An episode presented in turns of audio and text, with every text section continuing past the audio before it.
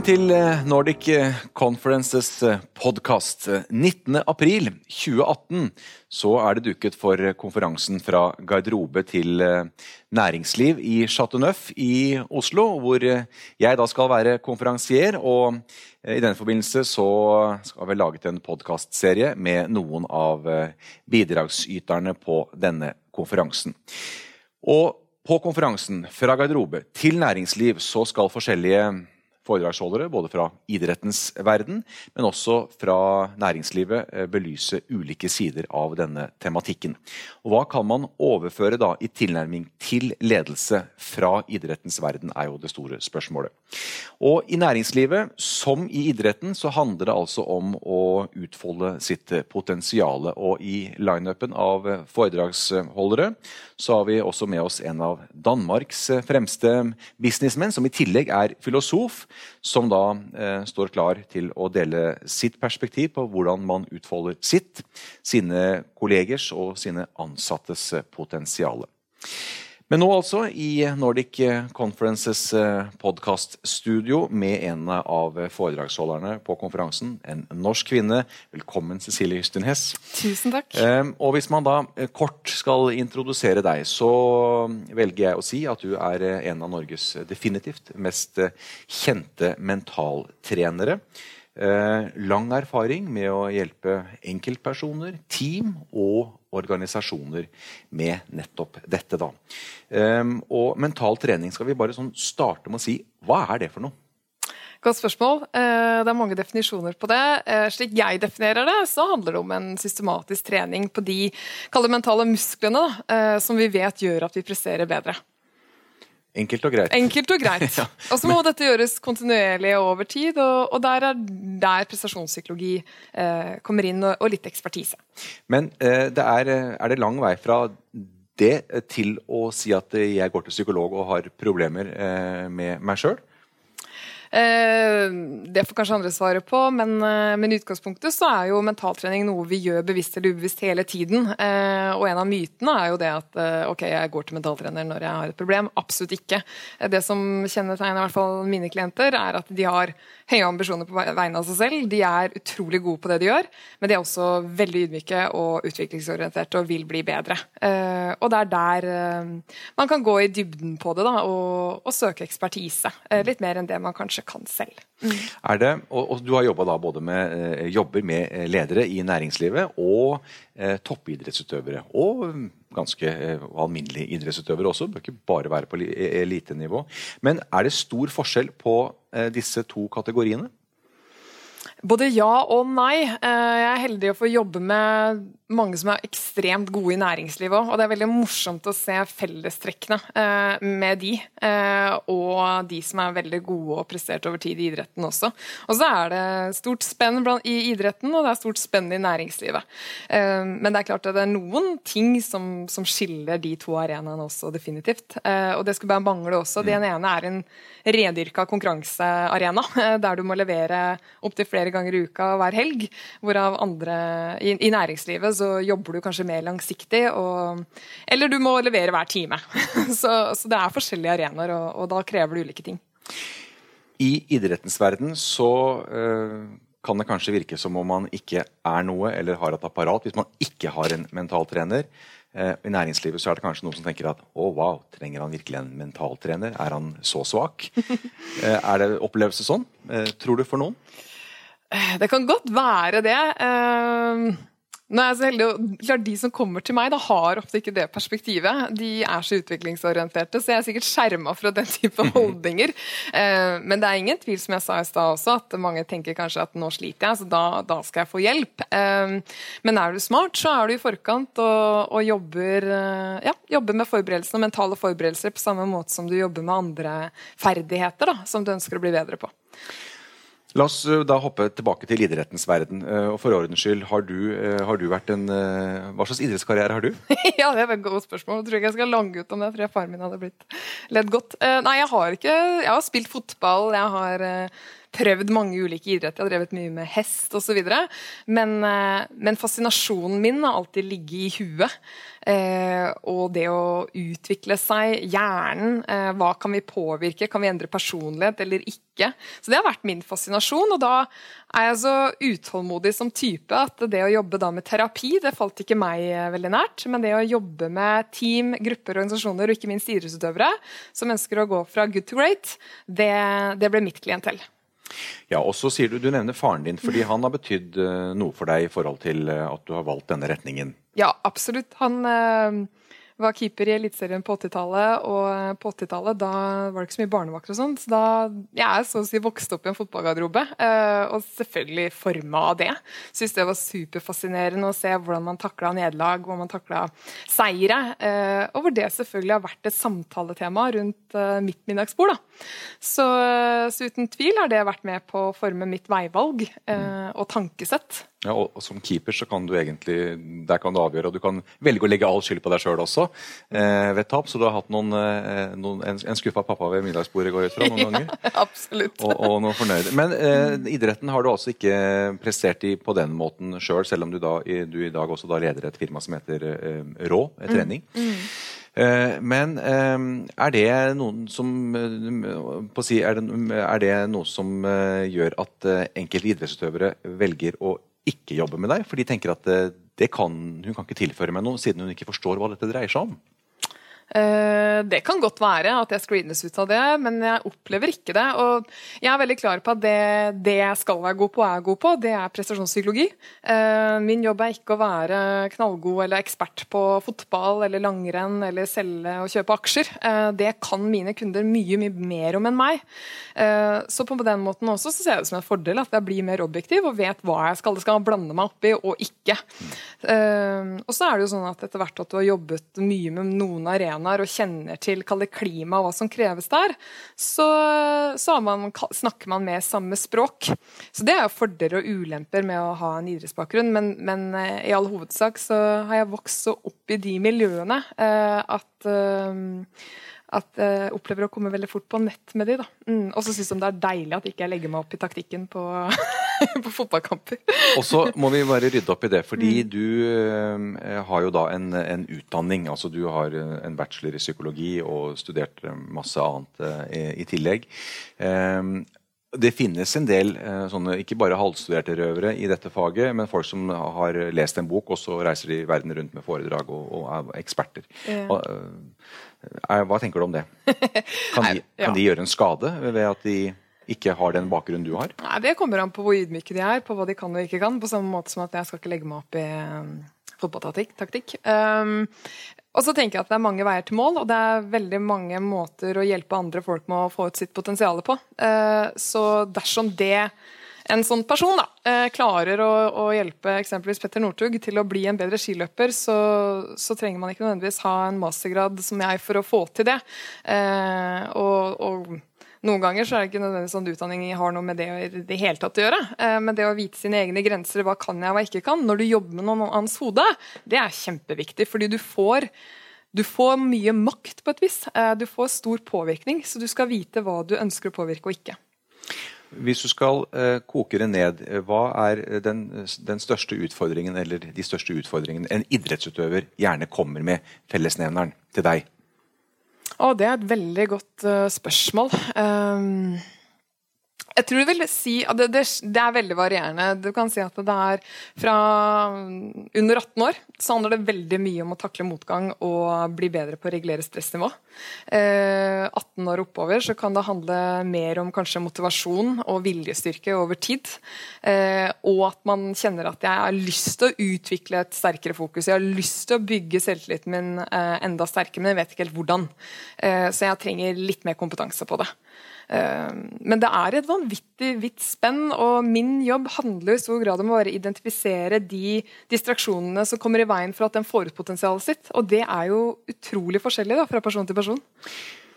Kan man, eh, Hvor langt ned du, du, jobber jo med juniorer. Eh, hvor, tidlig kan man begynne med dette her?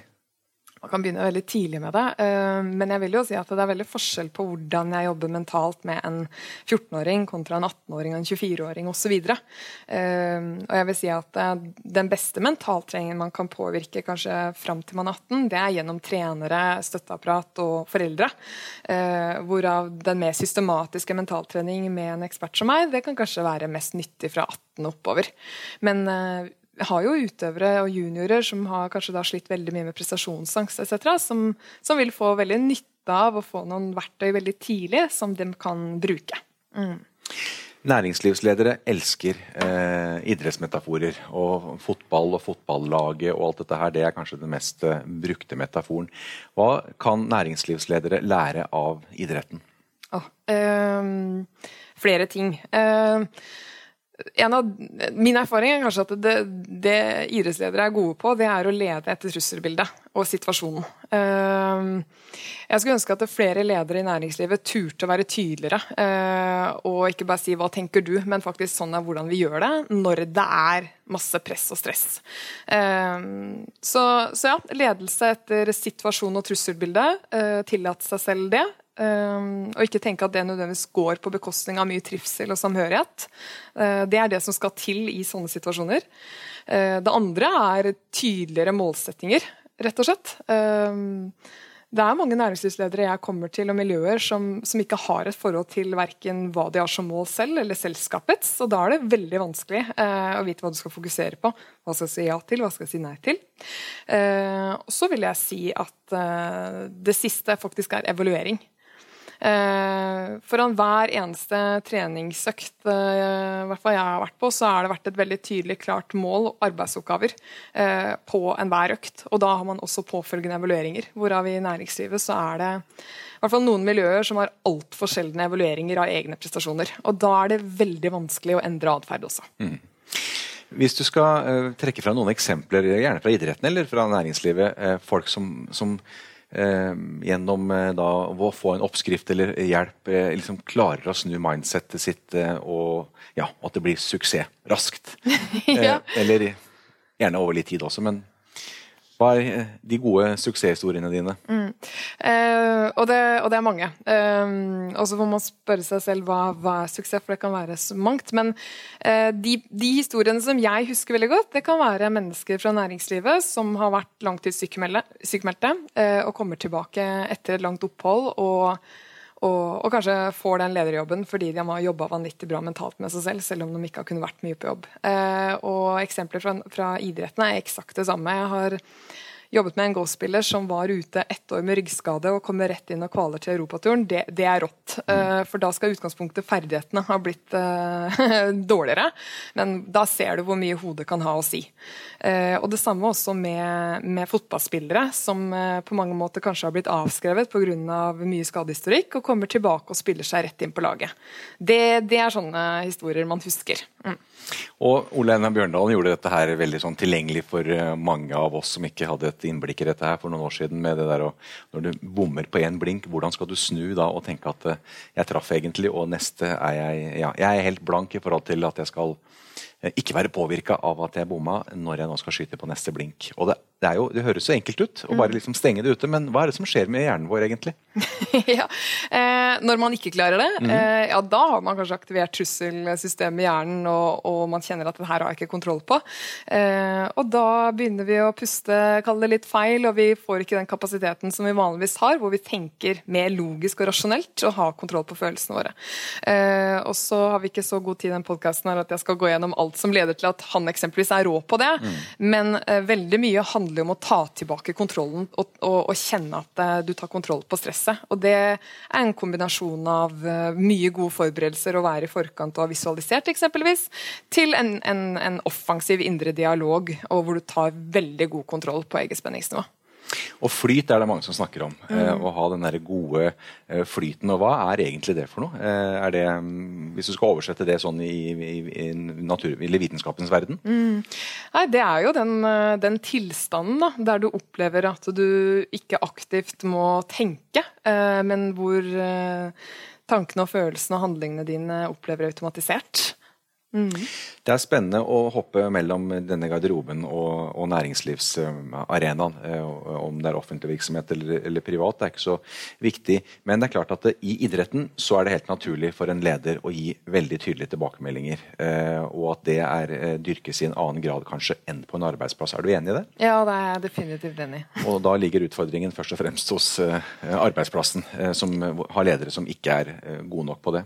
Ja, eller, eller, det kan jo handle om, om samspillet også. Uh, men det er derfor jeg sier at uh, i, i, idretten så, så, så, er det konkurranse. Uh, og det er Det gjør at du, du, straks ser om du er på vei å nå målet ditt eller ikke. Da, om du ligger under 3-0 eller om du leder 3-0.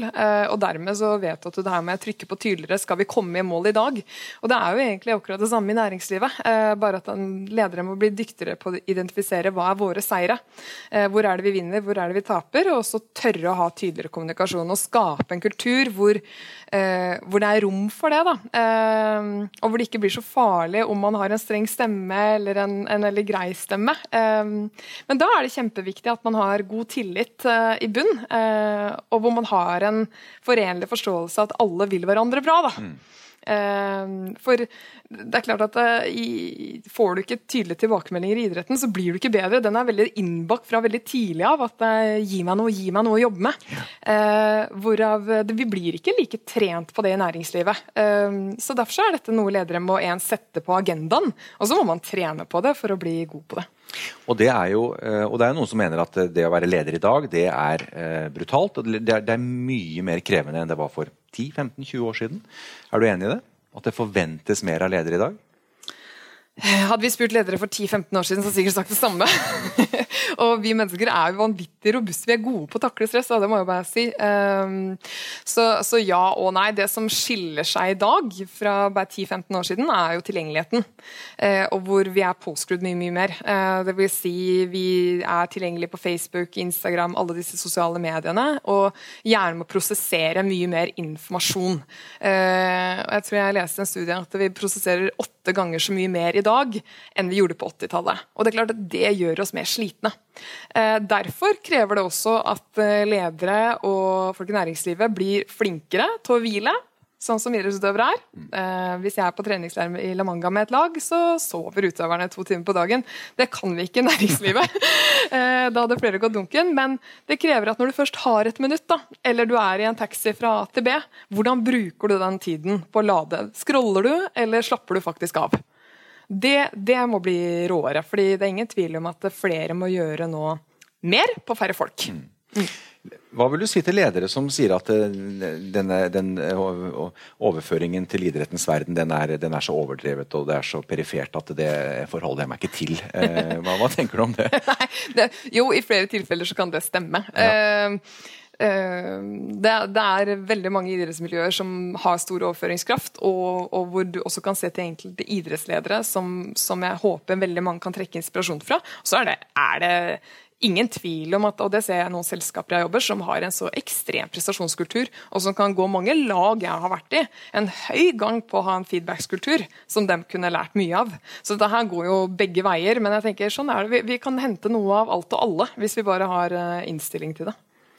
Hvordan eh, Er du en sånn superkvinne som bare gjør alt du skal og aldri legger deg på sofaen eller eh, tenker at 'jeg må utføre oppgaven'? ikke sant? Og er du sånn eh, personlig? Eller privat? Nei, det får du spørre andre om enn meg. Men, nei, jeg ser på meg som ganske lat innimellom òg, jeg. men, men, jeg brenner jo for det jeg gjør. Jeg elsker å jobbe masse. da. Um, og har ordentlig hjerte med meg inn i det jeg gjør, og da kan det være vanskelig å skru av selv. Så, men jeg er veldig glad for at jeg har med meg ha med meg den psykologien i verktøykassa. Da, for det gjør at jeg har turt å gjøre veldig mange ting som jeg ikke nødvendigvis har forutsetninger for å klare. Men hvor man har fått inn et veldig sånn læringsmindset. Eh, kan jeg skrive bok? Nei, jeg fikk ikke så gode karakterer på norsk på skolen, men jeg kan jo prøve, så ser vi hva det blir til. Eksempelvis, da. Og så ble jo det en, en fantastisk bok. populær bok som uh, står i bokhandelen uh, fortsatt. Ja. Um, men, men, jeg er ikke noe jeg, jeg, også har mine feil og mangler. Det er viktig å si. men sånne enkle teknikker, uh, hvis du skal gi noen helt sånne generelle råd til oss som står der i speilet om morgenen og tenker at dette her blir en ordentlig møkkadag, eh, eh, og dette her er bare slitsomt, og nå er jeg virkelig ikke i flytsonen. Mm. Hva gjør vi da? ja. Da booker du meg, så tar, tar vi en prosess. Nei da. Nei. Um, for det første så, så, er det lov å ha dager um, som ikke er gode, og det må vi akseptere. Vi kan ikke ha som mål å hver dag gå rundt og være superhappy og tenke at livet er bra, for det, det er det ikke. Men det er veldig forskjell på om du, om du lar det påvirke alle valg og handlinger den dagen, uh, eller om du tenker at ok, i stedet for at det her blir enten veldig negativt, eller jeg skal gå og ljuge til meg selv at dette her er veldig positivt, så prøv å se om du kan bli mer konstruktiv og offensiv. Uh, ja, dagen er sånn den er. er ikke, jeg skal ikke gjøre de mest morsomme tingene, men hva kan jeg finne mening i i dag? Uh, så der, der, handler det veldig mye om også hvordan vi starter dagen vår, uh, og hva, slags holdning skal jeg ha til utfordringer. Det er veldig lett å tenke konstruktivt, offensivt og positivt i medgang, men vi mennesker må jo tenke litt som så at utfordringer vil alltid være der, så hvem er jeg når de kommer? da? Det tror jeg kanskje er det mest eksistensielle spørsmålet som vil utgjøre en forskjell. Og så er det selvfølgelig mange verktøy og teknikker man kan jobbe på utover det. Men i bunn og grunn så handler det om den holdningen. Hva skal, hva skal, hva skal jeg tenke rundt dette livet, og når ting går meg imot? da. Nå skal ikke du utlevere dine eh, klienter, eh, men eh, det er klart at eh, hvilke næringslivsledere som du enten har jobba med sjøl eller andre, eh, er det som imponerer deg i forhold til akkurat dette? Oh, um og det er et godt spørsmål. Jeg, har, jeg, er heldig å få jobbe med veldig mange flinke folk. Uh, men uh, de som det er offentlig at jeg jobber med, og som jeg kan nevne som jeg syns er, er, i en helt annen, egen klasse, det er Blant annet Hanne Tømta, som er sjef for Nationaltheatret, som ble årets leder i 2015. Hun har en helt unik evne til å kommunisere og samle folk på tvers av kulturer og personligheter. Eh, Elisabeth Grieg, som med en årrekke har vært en frontfigur for eh, ikke minst norske kvinnelige ledere, og er ekstremt mentalt robust. Så, så bra at jeg tenker 'hva skal du med meg til'? og så har jeg, jeg har vært heldig å få jobbet mye med Martin Andresen, som jeg også syns, når du er i starten av 30-åra og tar over Vålerenga fotball og tenker at her skal jeg lede', Eh, da har du et ganske sterkt mindset. Eh, og som også i senere tid har snudd skuta i Skeidar. Eh, han, han, er en ordentlig vinnerskalle og ligger alltid tre hakk foran. så han har en helt sånn ekstrem evne til å resonnere i øyeblikket, som, som, jeg også har lært mye av til, til, 22 år gamle Ada Hegerberg, som jeg syns uh, hun er nådeløs i forhold til forventningene hun setter til seg selv og omgivelsene, men samtidig vanvittig ydmyk og utviklingsorientert. Uh, og som i en alder av bare 22 har prestert noe enormt. Så det blir veldig spennende å se hva hun, hun får til fremover. Går det an å si at dette er personer som, uh, som er ganske Hva skal jeg si De har åpnet opp noen rom, da. At de har en sånn dybde eh, ung eller gammel. Altså mm. At de har noen dimensjoner og ikke er at de har et spenn. Er det noe som kjennetegner? altså De må kjenne på noe sårbarhet og tørre å gå inn i noe rom som man ikke har vært i før, kanskje? Ja, de, er, de kjenner seg selv veldig godt. Det er et fellestegn. De Eh, og det, det, er klart at det, eh, er også litt forskjellen kanskje på å gå til en coach kontra en mentaltrener. Eh, de som kommer til meg, de kjenner seg selv veldig godt. De trenger ikke å bli så bevisstgjort. Og det kjennetegner de menneskene jeg nevnte nå. De kjenner seg selv veldig godt. De vet hva de er sterke på, og de vet hva de ikke er like gode på. Og så er de fortsatt uansett alder utrolig ydmyke og utviklingsorienterte. Så de, de har, Når de er i sonen, eh, så er de ekstremt fokuserte og kjører. Men når de er av, så åpner de opp eh, for at de kan ikke alt eh, og skal ikke kunne alt, men ber folk som er kanskje bedre enn seg på andre områder, om hjelp. Mm. Så de er heller ikke der hvor de tenker at de er ferdiglært eller skal klare alt selv. De er gode på å bruke ressursene rundt seg. Du nevner Ada Hegerberg, men andre idrettsutøvere som du har jobba med, eller som imponerer deg når det gjelder å håndtere det som skjer rundt det mentale? Ja, jeg Eh, dette er ikke personer jeg personlig har jobbet med, men jeg syns at de som klarer å gjenta gode prestasjoner over tid, da, eh, de har jo noe helt unikt ved seg. Jeg syns alt fra Gunn-Rita Dale eh, er en dame som burde også fått så mye enda mer kred for de gjentagende prestasjonene hun har gjort over mange år, og som virker å være veldig nøyaktig og grundig i forberedelsene sine. Til Petter Northug, som har konstant fokus rundt seg hele tiden, men evner å snu negative ting da, til noe konstruktivt og offensivt. Og jeg syns vi er heldige i Norge. Vi har veldig mange av de idrettsutøverne som eh, mange kan se til da, for å finne inspirasjon til å stå på og jobbe videre. Og det, dette er folk som har det litt sånn naturlig i seg? Eh, eller eh, det, må det trenes, og denne muskelen må den eh, ja, Det er et veldig godt spørsmål. Uh, jeg tror både og. Jeg har også selv sett uh, du, du, kan ikke nødvendigvis endre personlighet, men du kan endre atferd. Og uh, mange av de aller, aller, aller beste, de, de, har nok en del av dette i personlighetstrekkene sine. Men så, det som skal til for at de klarer å være der over tid, er jo at de også klarer å endre atferden sin til å bli råere. Uh, ellers så hadde de ofte hatt den ene gode sesongen som man husker. Mm. Og Det er det som skiller de beste fra de nest beste. Det er det at de klarer å gjenta det, og da må du jobbe like mye her som du gjør med, med resten. Eh, er det noen du gir opp, eller som du har respekt for at andre bør eh, hjelpe i stedet? Da tenker jeg på en psykiater, eller en, altså, at det ligger så mye i dette hodet som du skal ha litt respekt for å begynne å rote med? Absolutt. Eh, jeg har kunder jeg, som jeg har sendt altså, som jeg ikke overhodet har startet med. Eh, og så I RAW så har vi flere mentaltrenere som jeg kjenner er eh, Dem har sine sterke sider som ikke jeg har, og hvor jeg vet at det vil bli en bedre match. Så det, det handler om å ha etikk og moral i rollen som mentaltrener og vite er jeg riktig person eller ikke, og hvor det ikke ligger noe annet i det enn at du kan jobbe med, med faget, men eh, du bør jobbe med noen annen. Mm. Er dette Det er jo forholdsvis nytt i Norge, eh, dette. Eh, ganske vanlig i eh, USA, i hvert fall. Der er det nesten sånn at du må skrive på søknaden din at du har en mentaltrener. Hvis ikke så er du i hvert fall ikke aktuell for denne jobben. Mm. Får vi mer av det, eller er det sånn at det blir som på det nivået vi har i Norge i dag? Føler du at det er mindre stigmatiserende å ha en mentaltrener?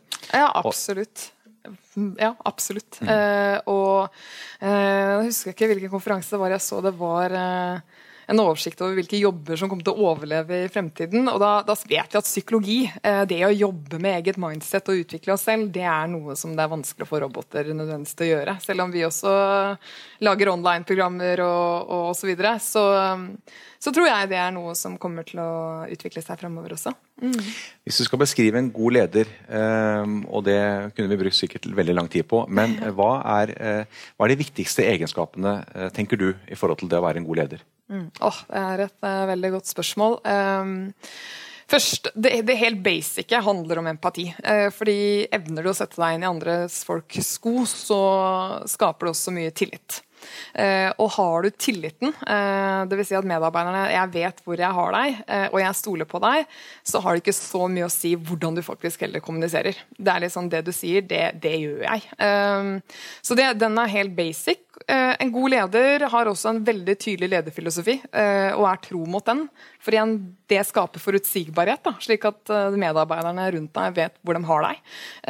og det er det som gjør at akkurat du er god som leder, du blir autentisk. Eh, og du setter et eget spor, da. Så det er vel de to aller viktigste en ferdighetene og, og trekket, som jeg syns. Og så ser vi at det ulike lederstiler funker på ulike arenaer. Men en god leder også er veldig flink til å se hvilke skills er det jeg trenger å bruke i denne situasjonen kontra den situasjonen, og tilpasse seg litt deretter. Ikke bare tilpasse seg til ulike folk, men ulike situasjoner. Du er jo en veldig populær foredragsholder, og nå har du litt sånn selvpålagt foredragspause. Men denne konferansen her, den tente du på. Hva er, det som, eh, hva er det du tenker at du skal bidra med på konferansen nå i Chateau Neuf? Nei, Det som jeg synes er veldig veldig spennende, er For det første så får jeg veldig mange spørsmål fra ledere på dette her. Eh, kan du dele hva, som, hva vi snakker om i garderoben før man går ut? Og, og disse samtalene med idrettsutøverne. Eh, så det er som du sier, det er et veldig populært tema. Så, så, det er det ene. at Dette her prater man jo mye om, men har ikke fått satt det på et foredrag. Eh, det andre er at det stort sett så holder jeg masse foredrag om ren prestasjonspsykologi og fag. Her kan jeg få lov til å dele alle de årene hvor jeg har observert og lyttet og snakket snakket med masse folk, og dele det til eh, hele, masse folk fra næringslivet. Det blir kjempegøy. Og Hva tenker du at folk skal gå ut av denne konferansen med? Eh, hva er det de skal huske? Eh, hva er ditt budskap? Ja, Det er et godt spørsmål. Det får jeg jobbe mer med. Nei, men Det ene er jo jeg tenker at de, Forhåpentligvis så får de noen bevis på at jeg gjør veldig mye bra i dag. Kanskje skal jeg bare gjøre rett mer av det. Eh, og så er det at de har fått kanskje to-tre konkrete verktøy eh, og tips som de kan omsette i handlinger med en gang. Da vet jeg at eh, jeg har utgjort en forskjell. Takk for at du delte tanker her i podkasten, Cecilie Ysternes, og lykke til da på konferansen. Vi ses. Tusen takk for at jeg fikk komme.